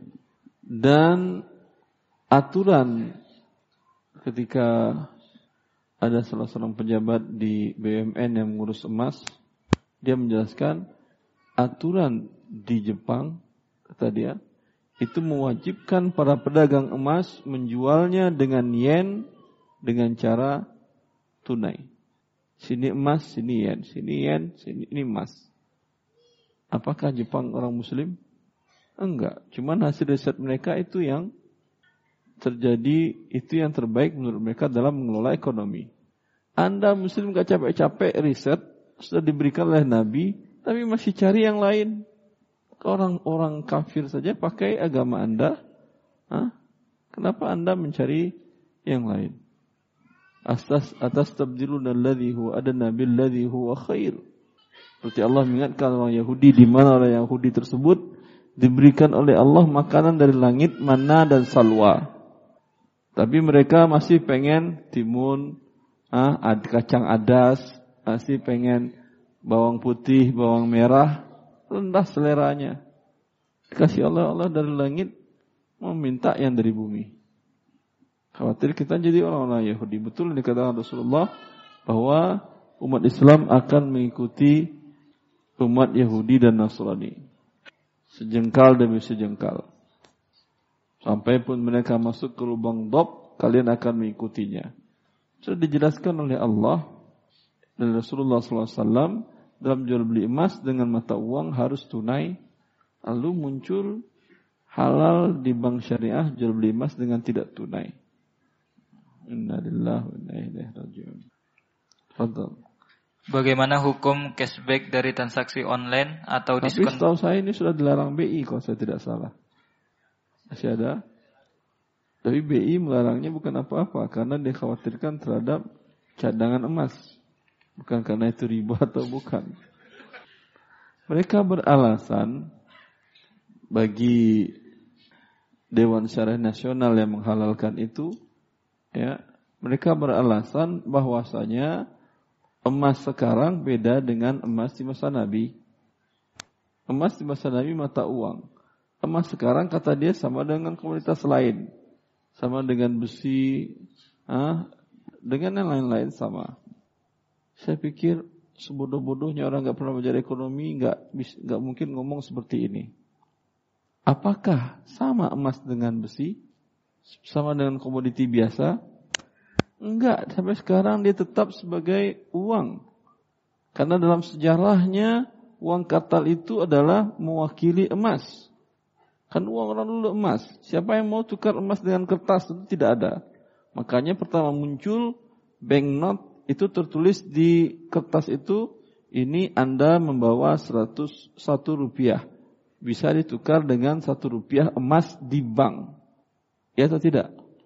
Itu yang banknote. Kemudian setelah orang percaya dengan kertas ini, maka kemudian nggak ada lagi tulisan itu. Tapi ini mewakili emas yang ada di bank sentral itu. Karena kalau tidak ada emasnya, siapa orang yang mau negara orang pakai emas? Mata uangnya. Siapa yang mau tukar emas mereka dengan kertas Indonesia? Kan pernah terjadi jemaah haji tidak diterima di Mekah ketika tukar uang karena diisukan ada isu bahwa seri nomor sekian mata uang rupiah itu tidak ada backup emasnya. Sempat heboh kan ya? Pernah dengar atau? Hah? Subhanallah. Siapa yang mau tukar emas negaranya dengan kertas? Itu tidak ada. Ya. Jadi kalau dikatakan emas bukan mata uang hanya komoditi, orang yang itu orang yang tidak mengerti akan apa yang terjadi pada hakikatnya. Apa bedanya bank konvensional dengan bank syariah? Apa bank syariah itu mubah? Dan bagaimana hukum bank pemerintah termasuk BI? Eh, banyak pertanyaannya ini. BI bank pemerintah, BI itu bank pemerintah. BI apa kerjanya? Mengontrol, mengontrol sekarang pindah ke OJK, bukan? BI apa kerjanya? Ngutang. BI kerjanya adalah menetapkan suku bunga di Indonesia. Suku bunga itu apa artinya? Riba udah. Ini menetapkan riba hari ini 7%, besok riba 7, sekian persen, besok riba sekian persen itu siapa? Udah, ngapain tuh lihat tempat dari yang menetapkan riba? Hai. Mau kerja di OJK. Kerja di OJK dia yang mengontrol bank-bank riba tadi agar riba berjalan mantap. Seperti ini SOP-nya, ini harus dilakukan, ini resikonya kurangi, ini harus begini. Ya. Innalillah. Di mana lagi kerja Ustaz? Ya akhirnya nenek moyang kita kerja nggak pernah pakai riba, cucunya sampai sekarang masih hidup. Jumlahnya makin banyak, makin banyak. Ini yang memiliki dunia kan Allah Azza wa Jalla, bukan iblis, bukan syaitan. Sehingga kalau anda ingin mengambil rezeki, bukan dengan cara maksiat kepada Allah. Anda ingin dapat rezeki dari Allah, tapi anda lawan dia. Tahu siapa yang anda lawan itu? Allah memiliki langit dan bumi ini. Karena Allah telah menyatakan perang kepada para pelaku riba. Fa'illam taf'adu fa'danu biharbi minallahi wa rasulih. Jika kalian tidak berhenti melakukan riba, berarti kalian telah mengumumkan perang melawan Allah dan Rasulnya. Pakai senjata apa yang anda gunakan? Nuklir cukup bisa menghancurin Allah? Ya akhi. Allah menjelaskan dalam kitabnya sebuah kepastian dan kebenaran Allah mengatakan wal ardu jami'an qabdatuhu yaumal qiyamah. Bumi dan seluruh isinya nanti di hari kiamat qabdah. Kalau qabdah itu dalam bahasa Arab ini qabdah. Kalau dikatakan qabdatuhu bumi dalam qabdahnya berarti bumi dalam ininya. Nuklir bisa ngancurin bumi ini? Tidak. Lalu kalau Anda pakai nuklir, kalau kita katakan manusia kena semut dikit itu geli doang. Siapkanlah senjata yang terkuat Anda kalau ingin buat riba, siapkan senjata terkuat melawan Allah. Kalau tidak berani, dan memang tidak ada manusia yang berani. Allahu Akbar, ucapan kita Allahu Akbar, Allah Maha Besar, memang Allah Maha Besar. Ketika seorang pendeta Yahudi datang mengatakan, Hai Muhammad, sesungguhnya di tangan Rabb di, di, di fi isbu' dalam bahasa Arab ini isbu' bumi fi isba'ihi kemudian sungai-sungai dan lautan fi isbi'ihi. Kemudian pepohonan dan hewan-hewan fi isbi'ihi. Di jemari di jemari. Jemari Allah. Maka Rasulullah SAW tertawa sehingga kelihatan taringnya menunjukkan sama apa yang ada dalam Al-Quran dengan apa yang diucapkan Yahudi ini. Bahwa Allah sangat maha besar. Sekarang mau lawan perang, ya, maka jangan pernah berpikir berani untuk berbuat melakukan riba. Karena intinya adalah melawan Allah, berperang melawan Allah Azza wa Jalla. Bagaimana dengan hukum arisan yang pakai makan-makan? Eh, Masya Allah. Arisan itu akadnya pinjam meminjam. Ya. Kan kasihan kalau yang dapat menanggung makan yang lain. Dia dapat pinjaman dari Anda lalu bayarin Anda makanan. Zolim sekali kan ya. Bukan dia bukan dapat rezeki, bukan pinjaman dari Anda akan dibayarnya nanti. Ketika dia bayar, pemberi pinjaman sudah dapat manfaat dalam makan-makan, maka ini riba. Tapi kalau tanpa makan-makan, ya uang terkumpul bagus. Baik. Bagaimana hukum konsultan pajak yang tidak melaporkan sebagian transaksi tunai kepada kantor pajak dengan tujuan untuk memperkecil beban pajak si wajib pajak? Bagus.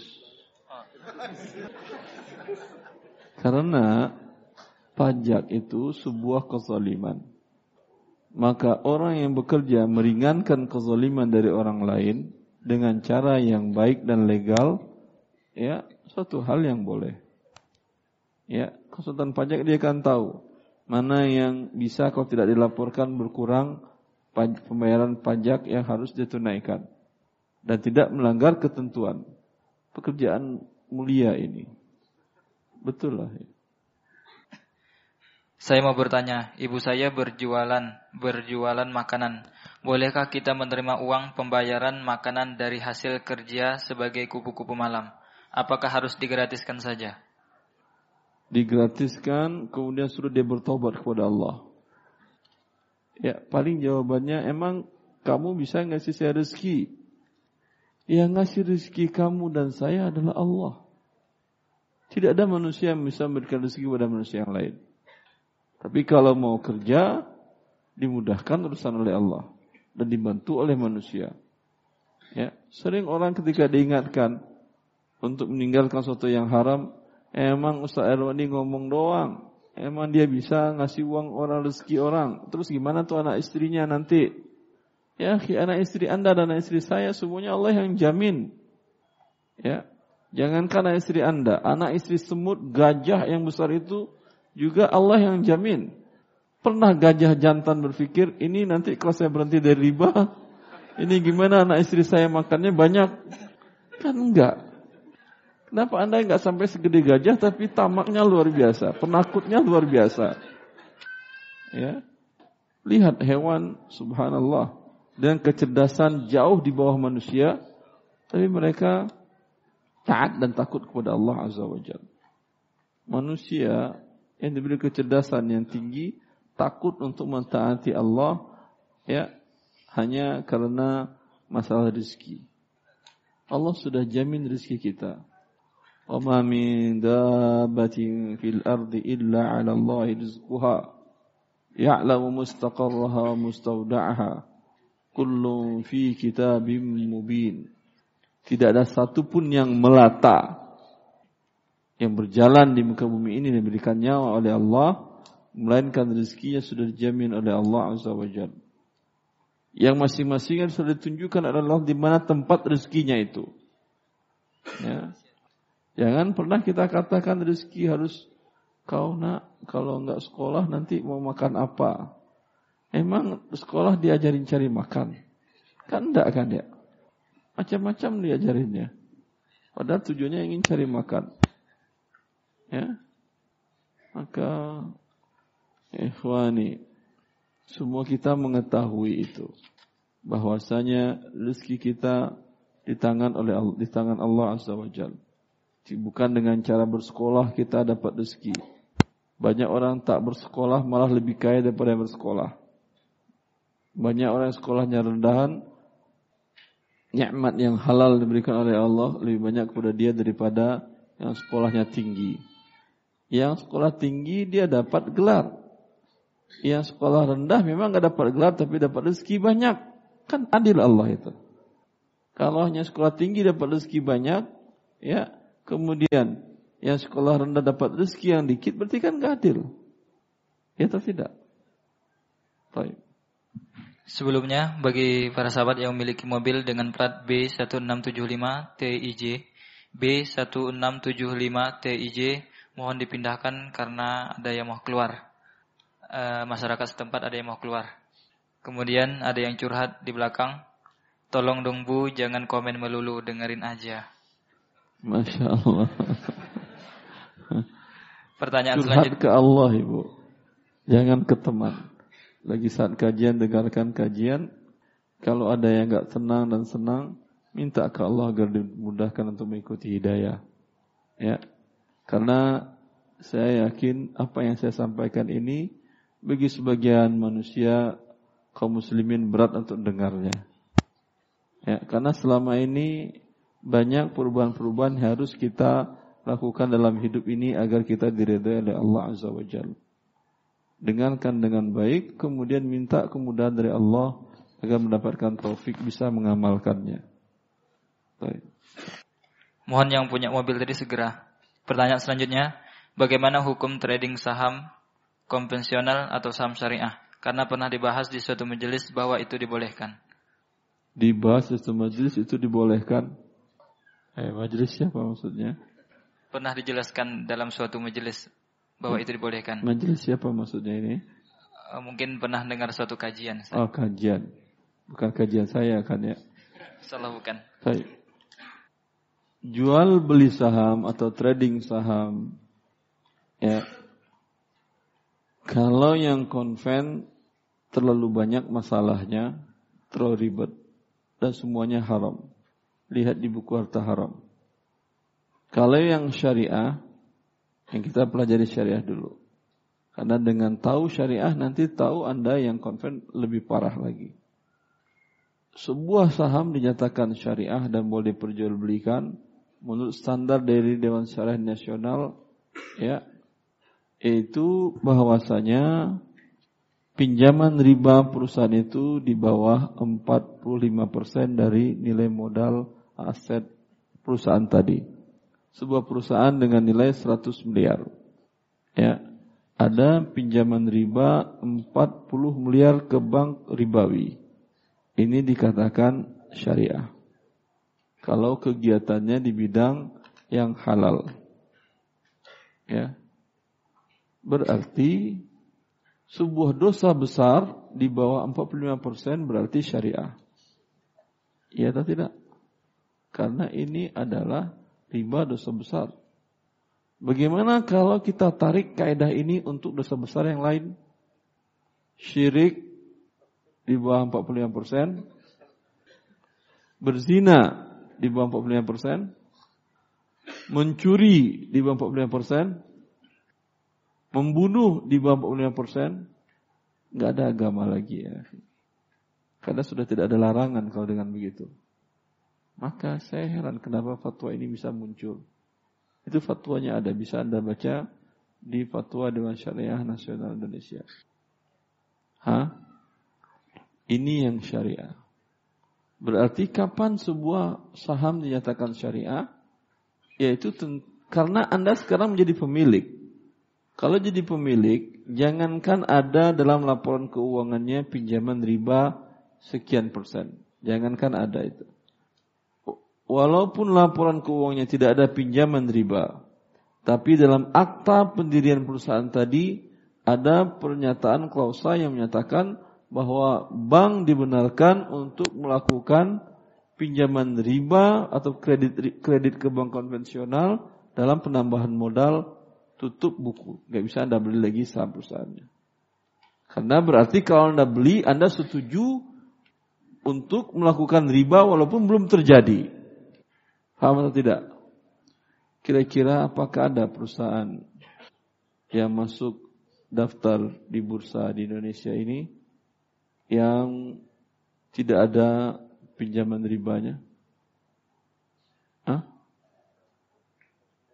Tidak ada kan ya? Berarti nggak bisa kita bisnis di bursa Ustaz. Siapa yang nyuruh Anda cari rezeki di bursa? Abdurrahman bin Auf ketika wafat dia dia memiliki lebih dari 3 juta dinar. Dia pernah memberikan hadiah kepada sahabat Rasulullah yang ikut perang yang ikut perang Badar, veteran perang Badar ketika dia kaya, setiap sahabat itu diberikan hadiah oleh dia sebanyak 40 ribu dinar. Satu miliar lebih. 40 ribu kali 600 berapa? Berapa miliar itu? Ah,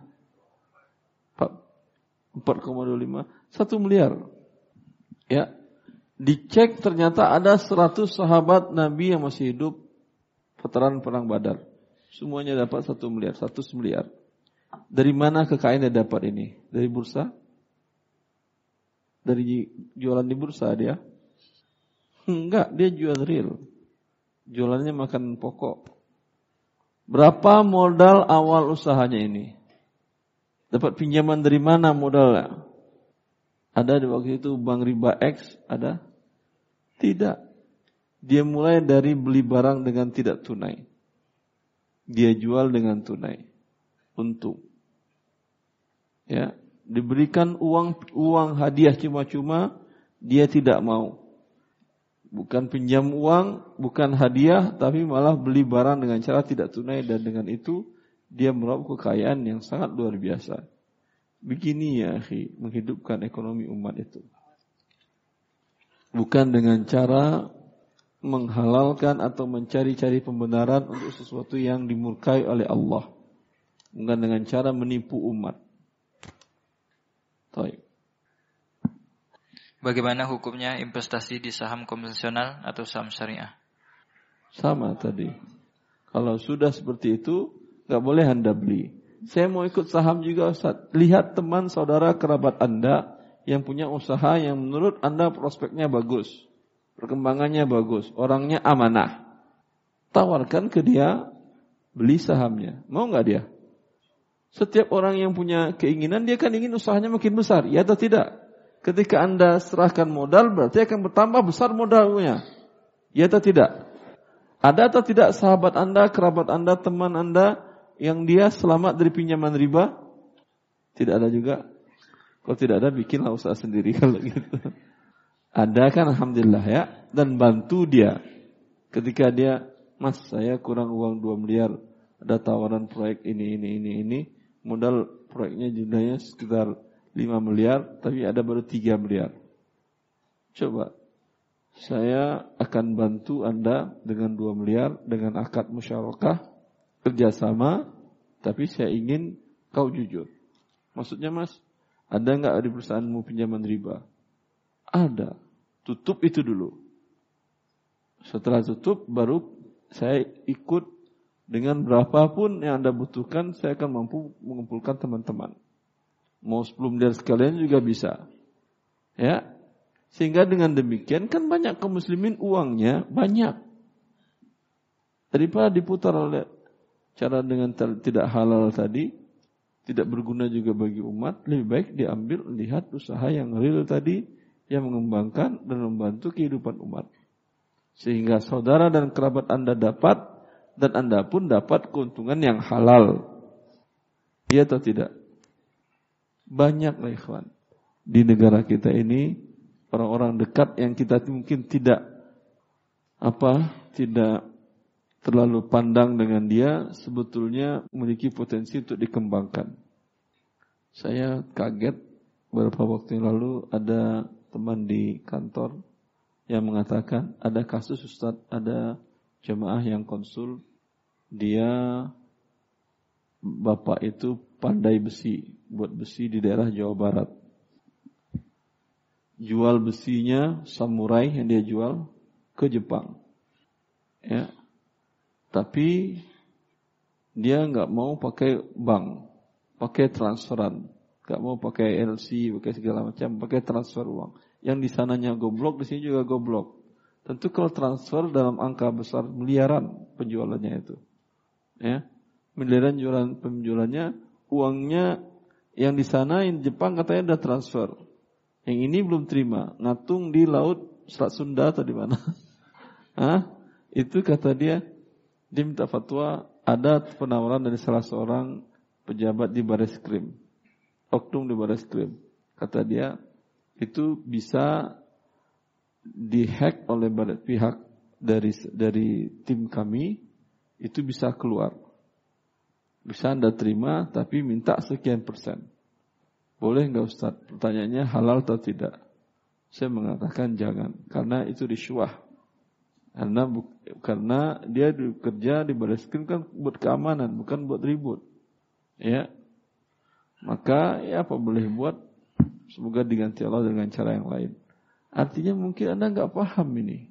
Tukang pandai besi aja kirim samurai ke Jepang. Nilainya miliaran. Banyak antum nggak pandai besi? Kalau nggak pandai besi, pandai kayu kan bisa juga. Ya atau tidak? Kan banyak kayu-kayu kita yang dikirim ah ukiran-ukirannya asal dengan ukiran yang haram aja banyak dikirim ke Eropa, ke Amerika. Jangankan itu. Saya kenal seseorang ngirim lidi. Hah. Ke mana dia kirim lidi? Ke Asia Tengah. Dia kirim pakai kontainer. Lidi apa? Lidi sawit. Hampir setiap bulan itu dua kontainer, tiga kontainer dia kirim. Lidi sawit itu kan sampah. Dan mendapatkannya lebih gampang daripada sampah plastik. Kalau sampah plastik kan ambil di sini satu jalan 3 meter, beli lagi capek. Kalau ini kan sudah ada dibuang di, di perkebunan sawit itu dibuang, diambil, taruh di mobil. Ada daripada taruh di mobil, ambil ke Anda. Ambil satu-satu laut. Harganya lebih mahal daripada buah sawit ya, kata dia. Buah sawit 1500 per kilo Ustaz, lidi 5000 per kilo. Sampah. Tapi rezeki dari Allah Allah tunjukkan, Alhamdulillah. Ya, dia butuh modal ini mungkin bisa Anda bantu. Pak, saya bantu untuk pengumpulan modalnya, untuk pengumpulnya. Saya tunjuk-tunjuk oleh Anda agen-agen di tempat yang banyak, ya untuk ini kan gampang. Ibu-ibu kan biasa sambil duduk gini-gini, ah selesai sekilo lima ribu, selesai sekilo lima ribu. Sekali duduk mungkin bisa 30 kilo. Alhamdulillah kan. 150 ribu gaji sekali duduk kan lumayan. Sambil baca berzikir Bismillah, Subhanallah, Alhamdulillah, Allah Akbar. Ah, dapat 150 ribu, dapat pahala yang banyak. Subhanallah, Alhamdulillah, wa la ilaha illallah akbar. Ghirasun jannah. Apa artinya itu? Tanaman surga, buah surga ditanam, pohon surga ditanam dengan ucapan Subhanallah, Alhamdulillah, wa la ilaha akbar. Ah, dapat 150 ribu, dapat pohon di surga yang banyak tertanam sudah. Alhamdulillah, terus. Bagaimana jika konsep akad musyarakah dijalankan secara berjangka. Misal pemodal bekerja sama dengan seseorang untuk membuat warung. Tapi bekerja sama hanya selama satu tahun dan keuntungan sudah diperhitungkan modal dan properti semua dari pemodal. Dan warung itu wajib membeli barang-barang jualan harus ke pemodal. Halal ataukah tidak? Modal diserahkan uang atau apa? Hah? Investor menyerahkan uang atau barang? Enggak ada, enggak tahu. Allah Taala. Yang tahu aja lah. Assalamualaikum Ustaz. Assalamualaikum warahmatullahi wabarakatuh. Per 1 Oktober saya mengajukan resign dari bank konvensional. Kemudian saya ditawari pindah ke bank syariah. Namun saya menolak. Akan tetapi saya pernah melihat kajian seorang ustadz bahwa kita harus mendukung bank syariah yang menjadi embrio bank yang benar-benar sesuai syariah. Padahal di bank syariah masih terdapat transaksi yang mengandung unsur riba. Bagaimana menurut Ustadz? Yang Anda dukung, kalau Anda di sana, Anda bisa berbuat. Beda tipe karakter orang. Ada orang karakter ingin dapat rezeki yang halal dan nyaman, gak perlu pakai ribut-ribut. Kalau seperti ini mental Anda jangan masuk bank syariah. Karena tujuan Anda ingin merubahnya dengan murni jadi syariah pasti akan ribut.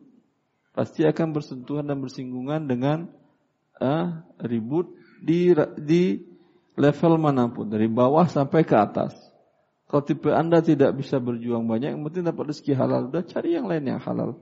Tapi kalau tipe hanya karakternya Anda mampu berbuat seperti ini sebagai uh, pendobrak sebuah kesalahan yang sudah terlanjur dilakukan bagus.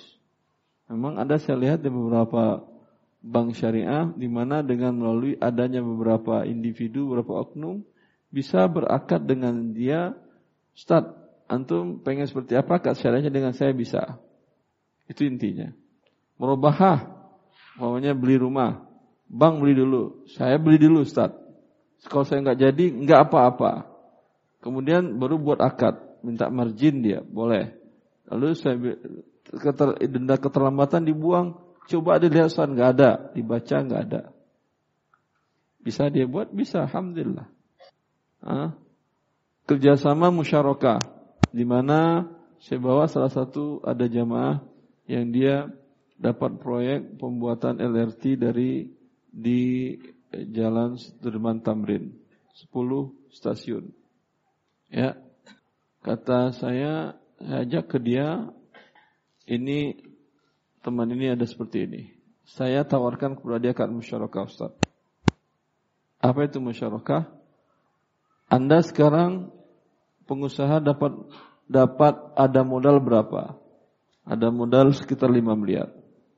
Nilai proyek berapa? Sekitar 50 miliar. Ya udah. Kami share modal dengan Anda 45 miliar, Anda 5 miliar. Berarti saat berapa? 10 banding 90 kan ya? 10% dengan 10% ini kan ya?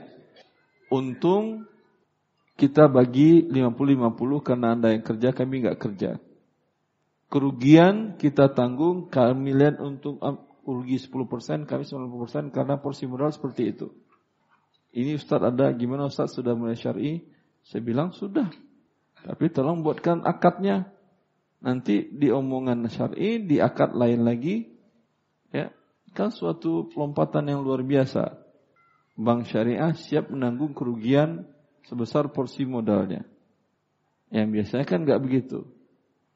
Jelas? Tapi tapi saya katakan tadi butuh orang yang pengen berjuang. Tapi kalau orang pengennya santai, tenang, ya, yang penting dapat yang halal, sebaiknya jangan pernah berpikir masuk bank syariah. Pertanyaan yang sebelum tadi itu eh, barang saat berbentuk barang. Yang mana? yang bersyarikah dijalankan secara berjangka. Ya udah. Waktunya sudah selesai, sudah azan. Subhanakallah bihamdi. Assalamualaikum warahmatullahi wabarakatuh. Masih banyak pertanyaannya belum terjawab. Mudah-mudahan dalam waktu dekat kita bisa mengundang Ustaz kembali. Amin ya rabbal alamin. Kita tutup dengan doa kifaratul majelis. Subhanakallah bihamdika asyhadu an la ilaha illa anta astaghfiruka wa atubu ilaik. Assalamualaikum warahmatullahi wabarakatuh.